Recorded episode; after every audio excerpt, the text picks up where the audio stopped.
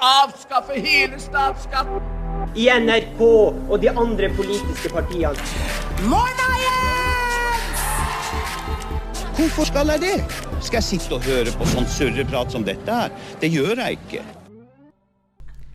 Hei, alle sammen. Da vil jeg ønske dere hjertelig velkommen til en ny episode av podkasten Radio Frihet, FBUs egen podkast. Og eh, i dag så har jeg med meg Herman og Julianne. Og det er jo lenge siden vi har hatt en podkast pga. visse åpenbare omstendigheter. Korona har ikke akkurat gjort jobben vår eh, enkel, men nå er vi i gang igjen. Og siden sist så har det jo skjedd veldig mye. Ja, Vi er jo i gang med Norges mest sporadiske podkast igjen. Her er det jevnlige oppdateringer om aktuelle temaer. Opptil flere ganger hvert eneste år. Så har vi mye sånn hemmelig content som ikke har blitt sluppet ut fordi det har klussa seg. Kanskje hvis vi får noen sjuke fans som har lyst på, så kan vi sende på WeTransfer eller Ja. Nei, det har jo skjedd mye interessant da det Ja. siste, det siste halve år. Hvor skal vi begynne? Det har vært valgkamp. Skal vi begynne på korona? Nei. Nei. Nei. Er eh. Vi er nok flere som er eh, passe lei av eh, korona. Men det har jo vært et eh, stortingsvalg. Det har Vi vi. kan jo kanskje starte der. Vi kan starte Ja, der. den er ganske viktig. Ja. Det tapte vi. Ja. Og det har vel sjelden vært så god stemning etter å ha tatt et valg. Det må jeg bare si. ja eh, nå var jo ikke vi i regjering før stortingsvalget heller, men uh, Vi hadde ikke så mye å forsvare, kanskje. Vi, vi var ikke i regjering før, før stortingsvalget. Og vi hadde ikke lyst til å være i regjering etter stortingsvalget heller. jeg besøkte høstkonferansen i Viken Frp sist helg, og jeg merka at det var ikke så veldig mange som deppa over uh, Det er mange som klør seg i fingrene etter å eh, angripe den nye regjeringen. Og jeg vil jo si at der har man jo egentlig eh, fått eh, nok å ta tak i. Eh, den nye regjeringen, Hurdalsplattformen, syns jeg faktisk er overraskende Ræva? trist og kjedelig. Ja, den er det. Nei, men altså, det er som Hurdalsplattformen. Det er litt som at man har funnet opp en tidsmaskin og så har man sett seg for at Ja. nå skal vi tilbake igjen til 2012. Ja. Og så skal vi bare ha det sånn. Det er det. Det er veldig få nye ideer. Det er De store sakene handler om å reversere det som allerede er gjort. Ja. Så får vi se, da. Jeg tror egentlig selv om det er litt sånn Ja, folk eh, liker ikke Viken og Troms og Finnmark og Men hvor mye bryr folk seg egentlig om det, er spørsmålet. Jeg tror de kommer til å gå på en smell. Og det Skal ikke si at det er veldig kjipt. Det er veldig fint, det. Ja, det går, det går fint fra oss. Altså, vi skal klare å hente velgere over eh, den eh, berømte streken de neste fire årene. Det mener jeg absolutt bør være vår ambisjon. Men sånn eh, rent på valgkampen, Herman, hva syns du, hvordan syns du valgkampen gikk? Du jobba jo på Stortinget Ja. gjennom hele valgkampen og fulgte jo utviklingen dag til dag ganske tett, Ja, ganske, ganske tett. Nei, eh, det var jo en eh, ganske spennende valgkamp, men Frp havna litt i en skvis. Fordi at man har Det var ganske tydelig at det kom til å bli et regjeringsskifte. Så de som var interessante å høre med, er jo eh, de som da sannsynligvis kommer til å gå av, altså regjeringen. Og de som sannsynligvis kommer til å ta over. Mens Frp ble en litt sånn outsider. Fordi at vi sitter verken i regjering, så vi, det var liksom ikke noe angrep mot Frp som man måtte forsvare. Samtidig som det var tydelig at Frp ikke kom til å sitte med makta etter valget eh, samtidig. Ja. Og da er det litt vanskelig å komme på dagsordenen. Og så tror jeg også det var en ganske bevisst strategi fra enkelte partier om å ikke stille opp og møte Frp i debatt for å gi Ja. Frp eh, økt oppmerksomhet i, i samfunnsdebatten. Eh, og så er jeg helt enig i liksom, det du sier, de store linjene. Frp havna litt på utsida, fordi man hadde regjeringen som eh, hadde ført en, liksom, en politikk, og så hadde du opposisjonen eh, på venstresiden som angrep regjeringen, det regjeringen eh, har gjort. Og så kommer liksom Frp, som er i opposisjon både til regjeringen og venstresiden, på sidelinja og rekker opp hånda bare sånn eh, 'Unnskyld, vi har noe vi vil si, vi òg.' Og man slapp egentlig ikke ordentlig, ordentlig til. Men jeg vil jo si at på tross av det så syns jeg Frp leverte en overraskende god valgkamp. Utgangspunktet på Arendalsuka annet, så, så fikk vi jo målinger som var godt under 7,7. titallet. 7,7. Det, det var Da så det jo ikke like lyst ut, men vi Nei, klarte å kare oss opp mot eh, 12% og det, det skal jeg være veldig glad for. Absolutt. Ja da. De sier jo det at eh, vi vant kanskje ikke valget, men vi vant valgkampen. Ja. Vi hadde jo en virkelig stor økning, noe som var veldig, veldig gøy. Og så tror jeg, jeg må, må si det da, jeg tror mange kjenner på litt det samme som meg, at det skal være litt deilig å være i opposisjon. Flere av oss i FPU har jo aldri vært med i et Frp som eh, vi meldte oss inn etter 2013 og har vært med til Frp i regjering. ikke sant? Sånn jeg, jeg kjente jo det etter skolevalgkampen. Sitte og høre og regjeringa har eh, svart belte i løftebrudd. Så var det, det, Jeg gleder meg til den neste valgkampen og kunne se hva denne regjeringen faktisk får til, og ta dem på det, de løftene de bryter. For det kommer Ja. til å være mange. Ja, det Og så syns jeg det er så interessant med at høyser opp valgkampen. Årets eh, stortingsvalg kommer til å bli et eh, klimavalg. Og så eh, ble det jo egentlig et klimavalg. Altså, det var jo unektelig mye fokus på klima. Men om velgerne på en måte svarte opp på det, altså om de hadde klima og miljø som sin viktigste sak, det får jo eh, tiden vise når man liksom får eh, på en måte tall på det. Men jeg tror uavhengig om de hadde klima som sin viktigste sak eller ikke, så var det jo ganske tydelig at det ikke nødvendigvis var MDG som vant klimavalget. Eh, og det syns jeg er veldig interessant. Helt enig, og- det synes jeg Det vi snakke litt om også. Skolevalget. Eh, Det er jo uten tvil interessant for oss, og det gikk jo over all forventning, virkelig. Men, men det er jo ganske interessant å se den vinklinga som eh, enkelte hadde bestemt seg for at skulle være i forkant. da, Hvis du så NRK, f.eks. Deres prognoser slo jo fullstendig feil.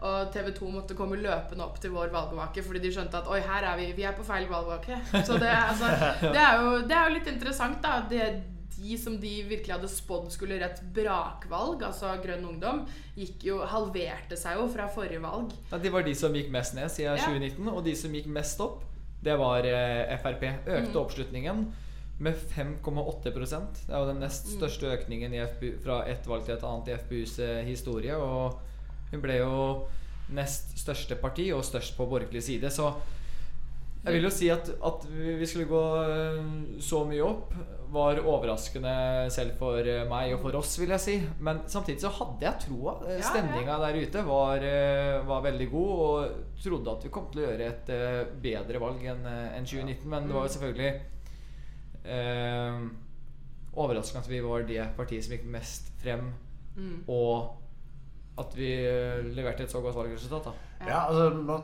man så jo mye på eh, kommentatorene og ekspertene og sånne ting. Mener jo eh, Det man forventet før resultatet kom, var jo at de borgerlige kom til å gjøre det enda dårligere, venstresiden kom til å gjøre det enda bedre, og liksom MDG Hvor mye større er det de kommer til å klare å bli? Ikke sant? Hele den visa der. Men jeg tror det handler litt om at man har fått en etablert sannhet som viser seg å være en usannhet. Om at eh, desto yngre folk er, eh, og liksom den kommende generasjonen, de er mer politisk korrekte og vil liksom ha ting eh, ordentlig. Ikke sant? Det er bare tull. Ikke Ja, også fordi vi ser, hva er det vi spilte på? Vi spilte på fuck nynorsk og drill baby drill. Ikke sant? Ja, det er klart man kan kanskje kalle det for populisme. Jeg kan uh, trekke den. Men altså, det folk savner litt, er jo at uh, det skal smelle litt. At politikk skal være krutt. At det skal være fett. Og da skal man ikke bare sitte og gnåle om psykisk helse og alt annet sånt tull. Men heller, ja, men heller snakke litt om industriarbeidsplasser, næringsliv og kutt i skatter og avgifter. Og, ja, det er, det, man mener, det er jo det man ser. Og, og jeg mener jo at kanskje spesielt i ungdomspolitikken da, at byene har fått altfor mye fokus. Fordi eh, hvis du ser Jeg var bare to dager i, i Bergen, eh, eller på Vestlandet, og tok skoledebatter. Og Andreas var også mye rundt. Og da, da, du- merker jo det at det er noe helt annet å sitte i Oslo og Vikengryta og snakke med elever som kan ta T-bane til skolen, og, ikke sant? enn de som faktisk har foreldre som jobber i oljenæringa, og som ser konsekvensene av å, å miste arbeidsplasser i oljenæringa. Da. Og, og jeg, jeg syns det var veldig befriende og deilig å se at ungdom, ungdom skjønner det. De går ikke rundt og tenker at pengene kommer av seg selv, og at det er pappa som betaler, men de, de skjønner faktisk at pengene kommer fra et sted. Da. At man må skape verdier før man kan fordele dem. Og det syns jeg dette valget var en eh, god indikator Ja, på. og jeg er helt enig i det du eh, sier eh, også, at dere man har hele tida snakka om ungdom som én størrelse. Mm. At ungdom krever klimahandling. Men ungdom er også forskjellige mennesker fra forskjellige deler ja. av landet med ulike meninger. Med egne meninger. Mm. eh, og som du også tør å stå for. Og jeg tror faktisk denne valgkampen, skolevalgkampen, var det første tydelige signalet fra unge om at venstresiden, og spesielt miljøbevegelsen, har gått ett skritt for langt i klimapolitikken. I å Mm. føre en inngripende, svindyr symbolpolitikk Mm. som ikke fungerer. Og da er det jo eh, Unge også ganske rasjonelle. Ja. Og jeg tror man på mange måter har glemt litt eh, bredden i unga, Altså eh, snakker om eh, periferien. Mm. Eh, ungdom der ute. Og de Jeg tror eh, FPU var flinkere til å ha et tydeligere alternativ Mm. enn det vi har vært tidligere. Og at det Ja, jeg tror det Det er, det er jo trender, ikke sant? Og man har jo den evigvarende pendelen, ikke sant? Som alle har lært om i norskundervisningen. At eh, ok, så var eh, det og det populært, og så blir noe annet populært. Liksom romantikken og realismen. og Jeg, vet da, det jeg husker ikke dette. Jeg var ikke sånn stjerne, på, på, på skolen. Men eh, Andreas har jo selve eksemplifiseringen på dette. Fordi du var jo eh, og drev skolevalgkamp Andreas, og møtte en kar med et litt eh, spesielt belte. Kan du Ja, litt?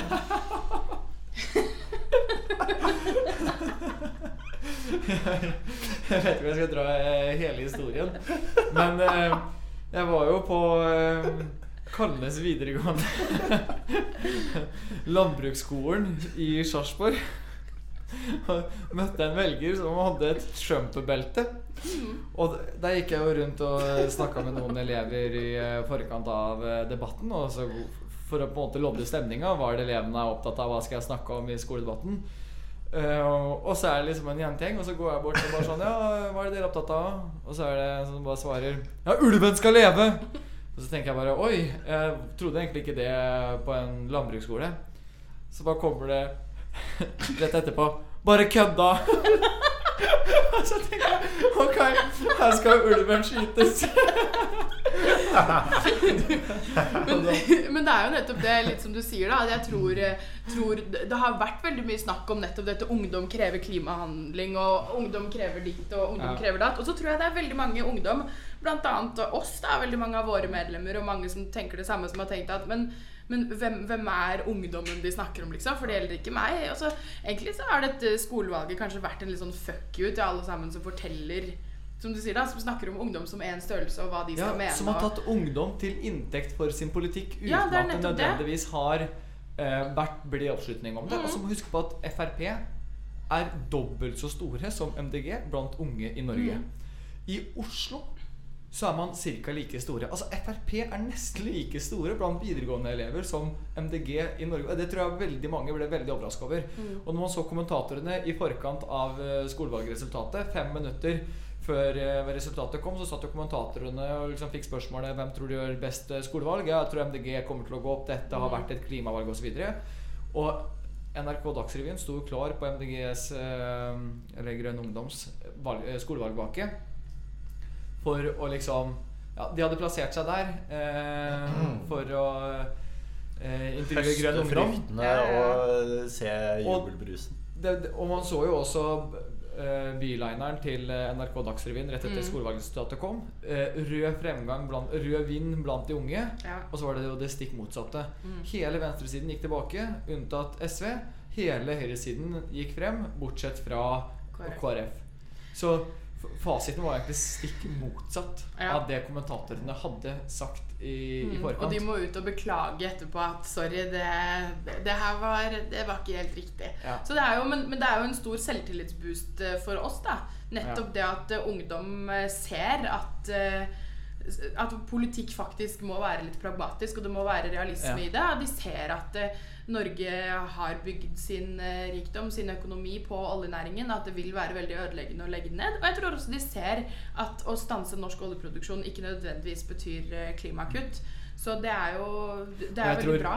Jeg tror også faktisk kanskje den største vinneren er den politiske debatten eller velgerne. At man får en litt mer seriøs tilnærming til, eh, til debatten. Også ikke noe Ja. til skoledebattene. Der skal det være spenstige spissformuleringer, og, men der må vi også være tydelige på at ett steg går grensen. Men hvis man f.eks. ser hva er det venstresiden har snakka mest om? Jo, det er jo eh, abort. Det er HRS. Ja. Eller eh, andre på en måte små saker Eller Moria-flyktningene. Og jeg tenker Er det Og det har jeg tenkt mm, lenge. Er det dette ungdom er mest opptatt av? ja. ja. er det liksom den eh, ene millionen til eh, HRS, eller liksom den marginale, faktisk, Mm. Ja, eh, innstrammingen i eh, Ja, mens, mens eh, vi abortloven? ja, vi, Eller de Moria-flyktningene som man ja Mm. skal ta imot. Men altså. Så jeg føler at man har hengt seg opp i små Mm. eh, Eller i hvert fall mindre eh, saker som ikke er så avgjørende for det store bildet. Mm. Fordi det er det som er, på en måte er eh, billige poenger eller politisk korrekt å si. da Ja.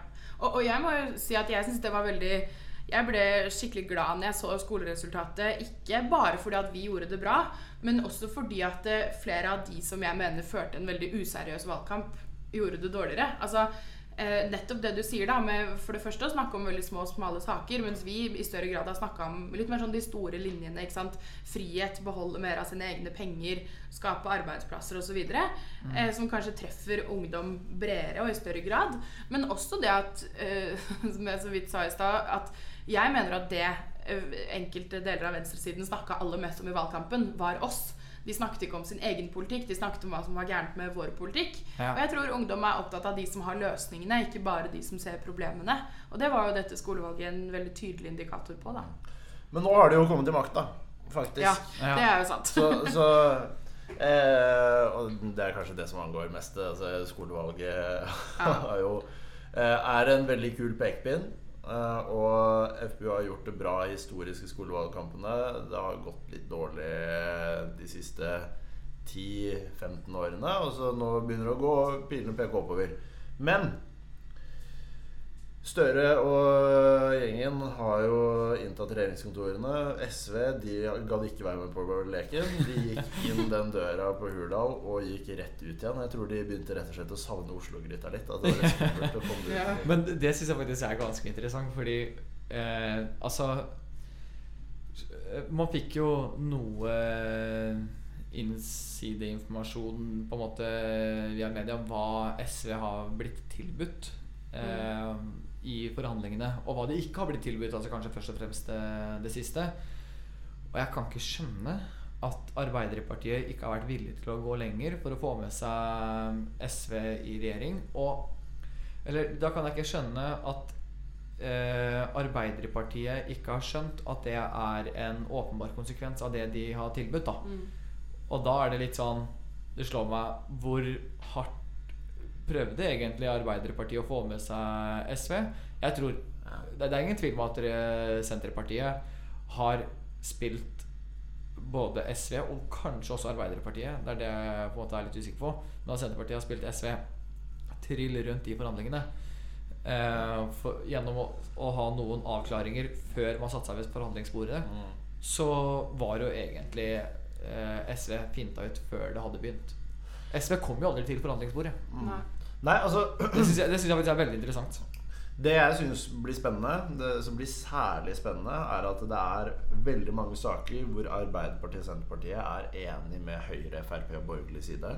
Eh, og spørsmålet er om Sannsynligvis så kommer de ikke til å tørre å drive med den slalåmkjøringen i Stortinget. De kommer til å henvise seg til SV eh, henvende seg til SV og prøve å få gjennomslagene på venstresiden. Fordi de skal ha denne nye retningen sin. ikke sant? Det er spørsmålet hvor stor regjeringsslitasje og hvor villige de kan være til det. da. Altså når det er liksom grunnleggende saker hvor den eneste muligheten til for at de skal få gjennomslag for de sakene, er på borgerlig side. Ja. Det kan man finne flere saker både i Arbeiderpartiet og Senterpartiet hvor de må forhandle på borgerlig side. Ja, altså, det være seg jeg vet, oljeutvinning, f.eks. Mm. Eh, det være Skattepolitikken, seg innvandringspolitikken, skatte- altså- innvandringspolitikk, for eksempel. Særlig. Ikke sant? Og dette kan bli Altså Man har en situasjon i Afghanistan nå.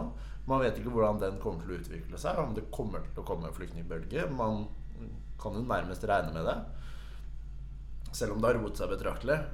Eh, Men dette er jo store temaer hvor spørsmålet er om de kommer til å ha råd til å drive med den kamelsvelgingen og, og samarbeide med SV i stedet for.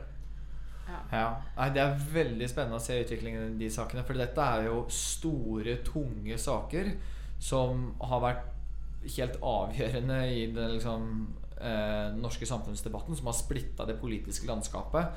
Eh, skapt mye debatt. Men så har man på en måte landa ned til et sånn felles, bredt eh, konsensus i, i flere av dem. Og jeg tror på en måte at SV er egentlig spilt litt på sidelinja.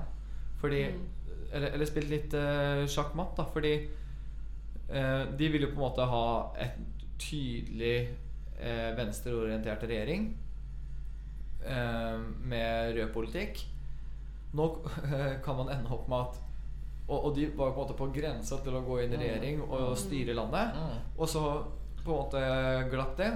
Og så kan man ende med at Senterpartiet og Arbeiderpartiet samarbeider til høyre. Og at man ikke fikk den eh, Og da, da er det jo ett parti å skylde på, og det er SV selv. Ja. Ikke sant? Ja. Og det er fordi at de har gått fra at man kan ha flertall alene i regjeringskontorene, til at man må forhandle på Stortinget. Ja. Og, og, og SV har gått veldig hardt ut i banen. Og, Og de sagt at de skal være tøffe i klypa. Og de er jo livredde for å gå i samme fella som de gjorde under Stoltenberg Ja. 1 og 2. Jeg tror det var derfor ikke de gikk inn i regjering nå. de var livredde for det. Ja. Men konsekvensen er at det Jeg vil tippe ved to-tre saker i Stortinget så kommer, Så spilt så kom, så kommer Senterpartiet og Arbeiderpartiet til å vende seg til høyresiden. Ja. Og det kommer til å være i så toneangivende og tunge saker Ja. At uh, Det er det det, som blir de det, det, kommer, det kommer til å føre til at man får en politikk som er lenger unna hva SV ønsker, enn det Ja, det hadde blitt om det. var Ja, ja, ja. Og, og Det er veldig interessant når man ser på debatten i forkant av valget. da Hvordan MDG i veldig stor grad kritiserte SV for å ønske å forhandle med Arbeiderpartiet og Senterpartiet. MDG var veldig tydelig på at vi skal aldri støtte en regjering som ikke vil stanse oljeproduksjon, f.eks. Eh, og mente da at SV var liksom De sto ikke på sine prinsipper, da, som ikke, som ikke gjorde det samme. Og nå ser man jo nettopp konsekvensene av å holde på på den måten. Det er nettopp det at regjeringa kan gå enda mer til, eh, til høyre. Men så syns jeg også det var interessant å se hvor, eh, hvor raskt det skifter, da. Når man, hvor vanskelig ting plutselig er når man kommer i posisjon. Ja. Trygve, for, Trygve Slagsvold Vedum som er sånn strømprisene skal ned, og det er et tyranni, liksom, kommer i regjering og er sånn ah, Nei, det, det var visst ikke så lett å gjøre noe med det Nei. likevel. Eh, Ja. Dette Og- og skyldes markedskrefter. Ja. plutselig. Ikke bare- Men men altså, jeg, jeg kunne holdt en lang tirade på, på strømleverandøren, altså kraftprodusenten og den biten der, men det skal jeg stå over for denne gang. Men eh, det man ser, er jo med, med nå, nå kommer jo regjeringen med et forslag eller ikke regjeringen. De skulle komme med et forslag, men så kom Stortinget med et flertall rett i forveien Og nå føyer regjeringen seg. Og, Og da må regjeringen, regjeringen føye seg etter Stortingets flertall. De Det er egentlig helt absurd. til, ikke sant? eh, Altså, man, man skal ha krisetiltak mot høye strømpriser. Ja. Og regjeringen sier vi skal legge fram krisetiltak for høye strømpriser, og så sier SV og Høyre Nei, vent. Ja, men- Vi skal, vi skal kreve krisetiltak mot, økte, eh, mot SV høye strømpriser. SV ga jo egentlig regjeringen tolv dager. Jo, det ga re, re, SV ga regjeringen tolv dager til å komme med krisetiltak for å redusere strømprisene. Og så sier på en måte Høyre De ser jo en mulighet eh, til å ta gjennomslag. på regjeringen ja. allerede på uke to, ikke sant? Ja. Og går sammen med SV for å øke bostøtten. Og da har ikke regjeringen noe valg. Så regjeringen fikk jo egentlig i realiteten tolv timer. Å Og det var det, det var det regjeringen sa at de skulle gjøre. De måtte bare undersøke det litt først. Men eh, Ja, altså, det er jo altså, Ja, demokrati. Det er et seg. Men dette her skal jo liksom være eh, eh, vanlige folks tur og hurra meg rundt. Men da har jeg et spørsmål. Hvilke vanlige folk er det som mottar bostøtte? For det, altså, det, er ikke, det er ikke vanlig altså, sånn, Jeg skal ikke hate på, på folk som mottar penger og, og stønader og den biten der. Det er greit nok, det. Men det er jo ikke nødvendigvis vanlige folk. Det man heller burde gjort, er jo altså Jeg vet da søren, jeg, men, men altså fjerning av elavgiften, eh, sette et tak på prisen, eh, si at nå er det pause på distribusjon ute i Europa, eller sette kvote på det, et eller annet. da. En form for regulering, da. Ja, men det Nå er, er det et banneord i FPU, men, men jeg sier det uansett. For årsaken til at prisene er så høye, er fordi at uh, man er villig til å betale mer penger for den strømmen i Storbritannia. Og da velger selvfølgelig kraftselskapene å heller selge dit. Det er jo klart. det er delvis Ja, mye av det. Ikke sant? Og man ser at det kun er på Østlandet hvor den prisen øker. Men, men altså sette et tak på strømprisen eller et eller annet sånt. Da. Men nei da, man skal øke bostøtten. Men altså Men du har et veldig godt poeng. da Altså Vanlige folks tur. Hva er vanlige folk? Altså I ordets rette forstand så burde jo det vært gjennomsnittet av befolkningen. Ja, ja. Men gjennomsnittet av befolkningen får ikke under- bostøtte. Folk som tjener under 700 000 i året. Altså det er jo Ja. klart det at det, For studenter, eksempel, de får jo ikke bostøtte. Nei. Og de er kanskje de som kanskje sliter de som mest økonomisk. de betale en dyr strømregning. Ja. Eller eh, nyutdannede, eller eh, hva enn det skulle være. Men dette er jo ikke mennesker som mottar bostøtte. En Nei. jevn familie mottar jo ikke bostøtte. Men eh, Man må gjøre det universelt. ikke sant? For at når man får en strømregning, og den er på 8 9 10 000 kroner, som veldig mange familier kommer til å få nå ja, det er jo en to-tredobling av eh, det man har hatt eh, tidligere. Og Fra i sommer så er det en femdobling på Østlandet. Og det er ganske heavy, altså. det er klart Fordi at det er den strømregningen som vanligvis var på 500, den er på 2005. Det, er, det er mye penger i strøm. Men det første jeg mener man burde eh, gjøre, altså det man burde starta med, er ikke nødvendigvis å øke bostøtten, men å redusere elavgiften. Altså at man, og el, det, det er jo moms også på elavgift. Altså man har jo skatt på skatt. Eh, og det er jo egentlig ja, helt eh, håpløst. Så, og da hadde man jo i hvert fall fått til en reduksjon, reduksjon for alle. Og så er det klart at utenlandskablene påvirker noe, men det er marginalt fordi kapasiteten på de kablene er på en måte ikke nok til at kraftselskapene kan velge å selge all strømmen sin dyrt til Storbritannia. De, og den kabelen den går på maks eh, hele tiden. Men når den går på maks kapasitet, kapasitet, så betyr det jo at de selger en del strøm eh, til eh, Storbritannia og utlandet for øvrig. Og at det også påvirker prisen noe. Men uh, Og så syns jeg også det er ganske håpløst at det er forskjellige strømpriser i forskjellige deler av landet. Det syns jeg faktisk. Selv om øh, jeg skjønner hvorfor det er sånn. Men det er en dårlig greie. syns du det? Ja, jeg syns det. Hvorfor, hvorfor skal man betale mer på Østlandet og, og Sør-Norge enn det man gjør i Nord-Norge? liksom? Det er jo ingen grunn til det. De oppe i nord får jo sletta studiegjeld og eh, masse subsidier. Ja, men det- varer og tjenester eh, Altså, varer og tjenester koster jo Hva skal jeg si Nei, da, nå skal ulikt jeg- over jeg hele skal være landet. Det er så mye dyrere å kjøpe seg bolig i Oslo, og så skal vi få høye strømpriser i tillegg. Ja, vi Men- men har jeg det synes så egentlig- fælt i Oslo! Jo, men at, at, eh, at noen eh, dagligvareprodukter eller andre produkter koster mer i Finnmark, er jo helt logisk. Eh, fordi det er eh, liksom økte transportutgifter osv. Og, så videre, og et mindre kundegrunnlag. Men da er det jo sånn eh, det- er på en måte en pris å betale av å bo i Finnmark, da. Det er, ja. Eh, så, men, men greia er at det er standardiserte priser også- i Kiwi og Krema. Folk ville jo ha fastpris på, på strøm. Men det er Ja, jo forbrukerne selv som jo- taper på. Ja, Det, det samme jo- tror jeg ville vært konsekvensen av å ha en fastpris på strøm over hele landet. At det vil i realiteten bli dyrere. Man tjener egentlig på å ha dynamiske priser. Ja. Nei, vi skal ikke se bort fra at det blir en uh, At el- elverket gjør comeback. Det, Det håper jeg virkelig ikke. Det er men det er Ja, bare det sånn siste vi trenger. Stortinget så satt stortingspolitikerne hvert år og vedtok hva prisen på strøm skal være det kommende året. Ja. Men det som er veldig viktig, er altså et av altså egentlig det eneste konkurransefortrinnet til Norge. Vi tror jo at vi har et veldig stort konkurransefortrinn på kunnskap og kompetanse.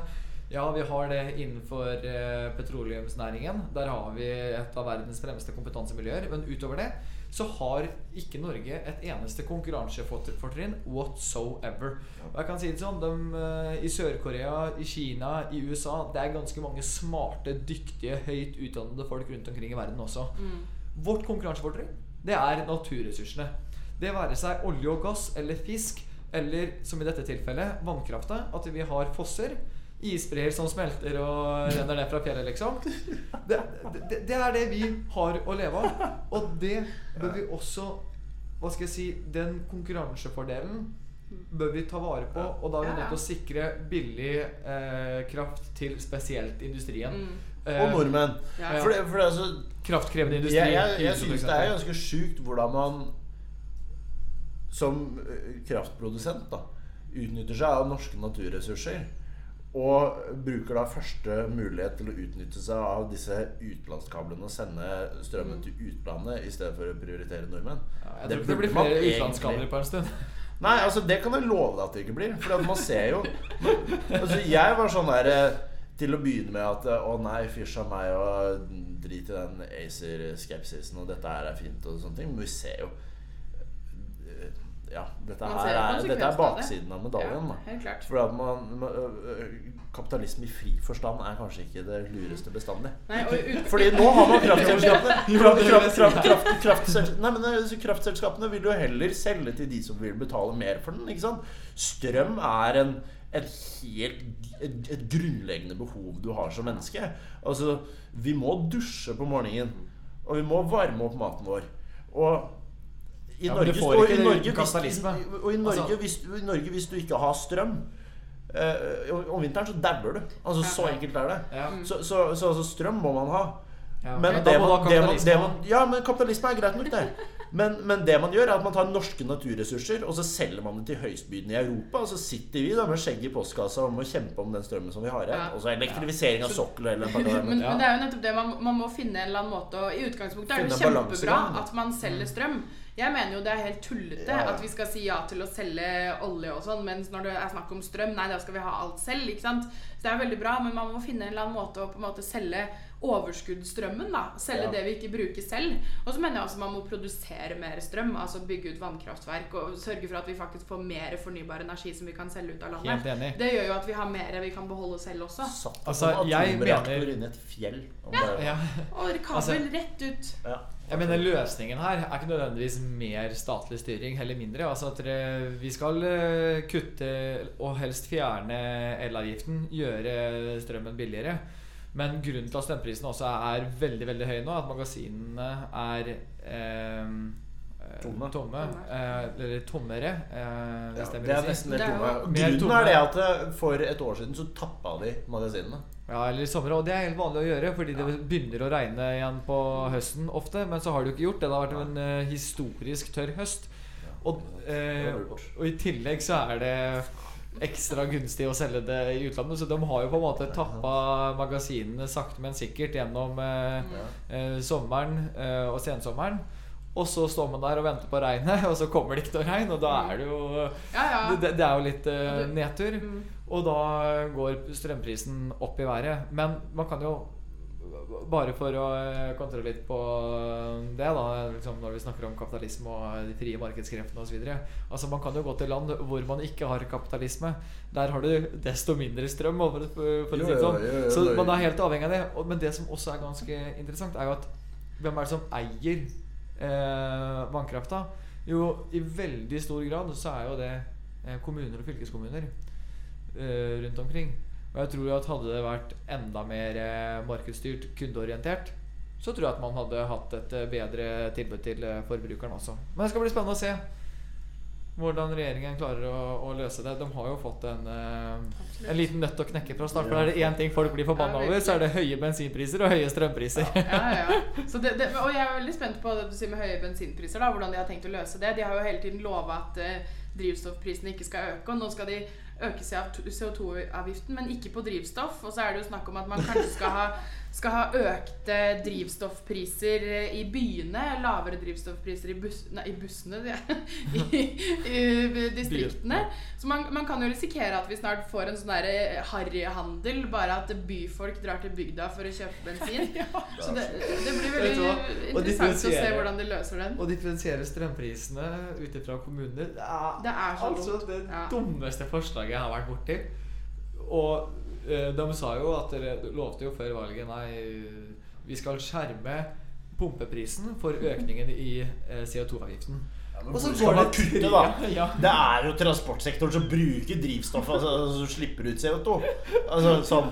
Eh, eh, Men, men da altså, det, er, greit, det, er greit, det er greit nok det at de ikke vil øke pumpeprisene. Jeg er helt enig. Det er kjempebra politikk. Men da får de i hvert fall være ærlige på det. da mm. Og ikke liksom drive og grønnmale seg selv noe så voldsomt å si Ja. at det, altså, Vi skal sånn- øke vi- vi skal- CO2-avgiften, men ingen skal betale. Nei, nei. Nei, altså, vi skal øke CO2-avgiften, men alle får fritak. Ja.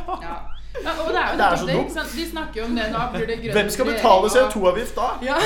Vi skal kutte 55% men eh, skal- ingen skal være byrden. Nei.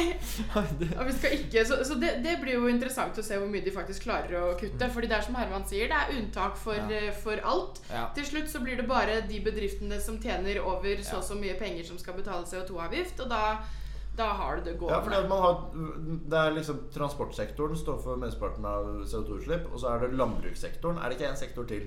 Er det noe jeg har glemt? Ja, landbrukssektoren land, land, landbrukssektoren er jo freda. Ja. Nei, altså det er jo Transportsektoren slipper jo ut veldig store mengder CO2. Ja. Og så har man landbrukssektoren, og så mener jeg det er én sektor til. Som man, Jeg tror det er olje og gass. Olje- og gassnæringen, selvfølgelig. Ikke sant?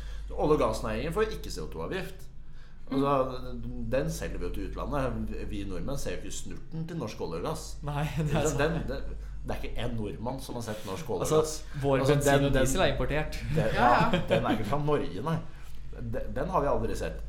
Så det, det går jo ikke på vårt regnskap. Det, nå har vi jo til og med elektrifisert sokkelen. Så altså, vi har ingenting av Det er bare eh, rett vekk. Så har man landbrukssektoren. Tror du de skal betale CO2? Aldri. Altså, de, de betaler ikke avgift på bensin engang. Altså, de, De skal få fri De skal få eh, subsidier, de, for å bruke le, legit bønder betaler mellom 6 og 7 kroner per liter. Altså Det er ingenting. Det er, det er avgiftsfritt ikke sant? så lenge det er på en sånn offisiell gård-type. Ikke sant?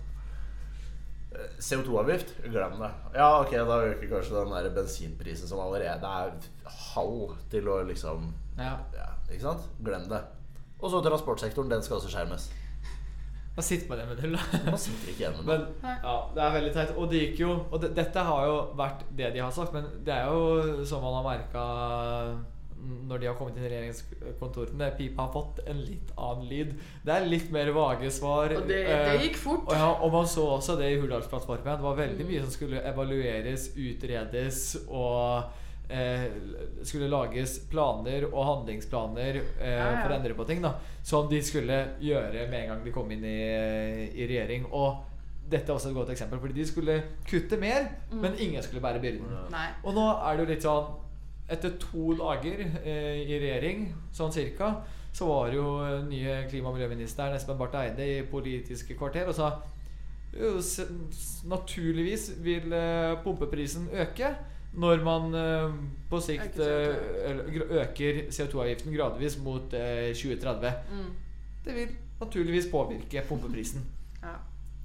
Og det sa han rett ut, og det var liksom det de hadde lova å ikke Ja, Ikke nei, det, blir, påvirke. det blir spennende å se regnskapet om et par, par år, hvordan de har klart seg. Og så syns jeg jo det er bemerkelsesverdig. eh, De fikk jo en sånn introduksjon da på Debatten hvor det var litt sånn koseprat, alle fikk pre presentere seg og det var hyggelig, liksom. Og etter det så har man jo nærmest ikke sett snurten av dem i debatten. Det har jo vært, hvis du hører på Dags 18 for eksempel, så er det jo nesten hver gang de har prøvd å få tak i et regjeringsmedlem, så er det nei, de vil ikke stille. De hadde ikke mulighet til å stille. Og, ja. Ja. Så de har jo åpenbart mye å svare for. Eh, og det, det, det tok ikke lang tid før de begynte å sky debattene. Selv om jeg, jeg skjønner det er vanskelig å komme inn og få, få et departement i fanget, på en måte. Men, men man må jo De har jo åpenbart drevet en valgkamp hvor de har lovt mye mer enn de klarer å holde. Ja, hvor de har eh, overbydd hverandre i å liksom eh, Helt klart. gå lengst. Og det hva er det man eh, pleier å si? De har eh, solgt skinnet før uh, bjørnen er skutt. Mm. Eh, og det gjenstår ganske mye. Og tilbake til Hurdalsplattformen. Der er det ganske mange vage formuleringer. Ja. Og de skulle jo liksom Abort Vi eh, eh, Den borgerlige regjeringa var jo kvinnefiendtlig. Mm. Eh, og det skulle de jo gjøre noe med med en eneste gang. Nå ønsker de ikke å røre en. Uh, da stiller jeg jo Skal selvfølgelig det åpenbare spørsmålet Er da den nye rød-grønne regjeringen en kvinnefiendtlig regjering. Mm. Eh, fordi det er jo de ordene de har uh, brukt. Fraværsgrensa skulle ut med en gang. Og alle partiene er enige om det. Der var det en veldig vag formulering. De skulle ha bedre fraværsregler. Ja, hva betyr det? Eh, så det er ganske mange ting som ja, de skulle fikse på veldig kort tid, som ikke er tatt tak i. Innvandringspolitikken, der var det jo på en måte veldig tydelig. Nå skal eh, innvandringspolitikken Og og kanskje legge an til å bli enda strengere. Ja, ja. Oljepolitikken, de skulle jo slutte å lete. Eh, der eh, må det jo nå der, der oljepolitikken ligger Mm. fast. Så det er veldig mye å ta tak i. Og Absolutt. skulle gjerne gått mer i dybden på Hurdalsplattformen. Men det får vi kanskje spare til en eh, annen podkast. vi kan eh, sette opp det som et eh, mulig tema til eh, neste podkast. Så tenker jeg kanskje at vi, vi runder av her. Yes. Vi får gjøre det. Da eh, takker vi for at dere hørte på, så ses vi igjen eh, neste gang. Hei da.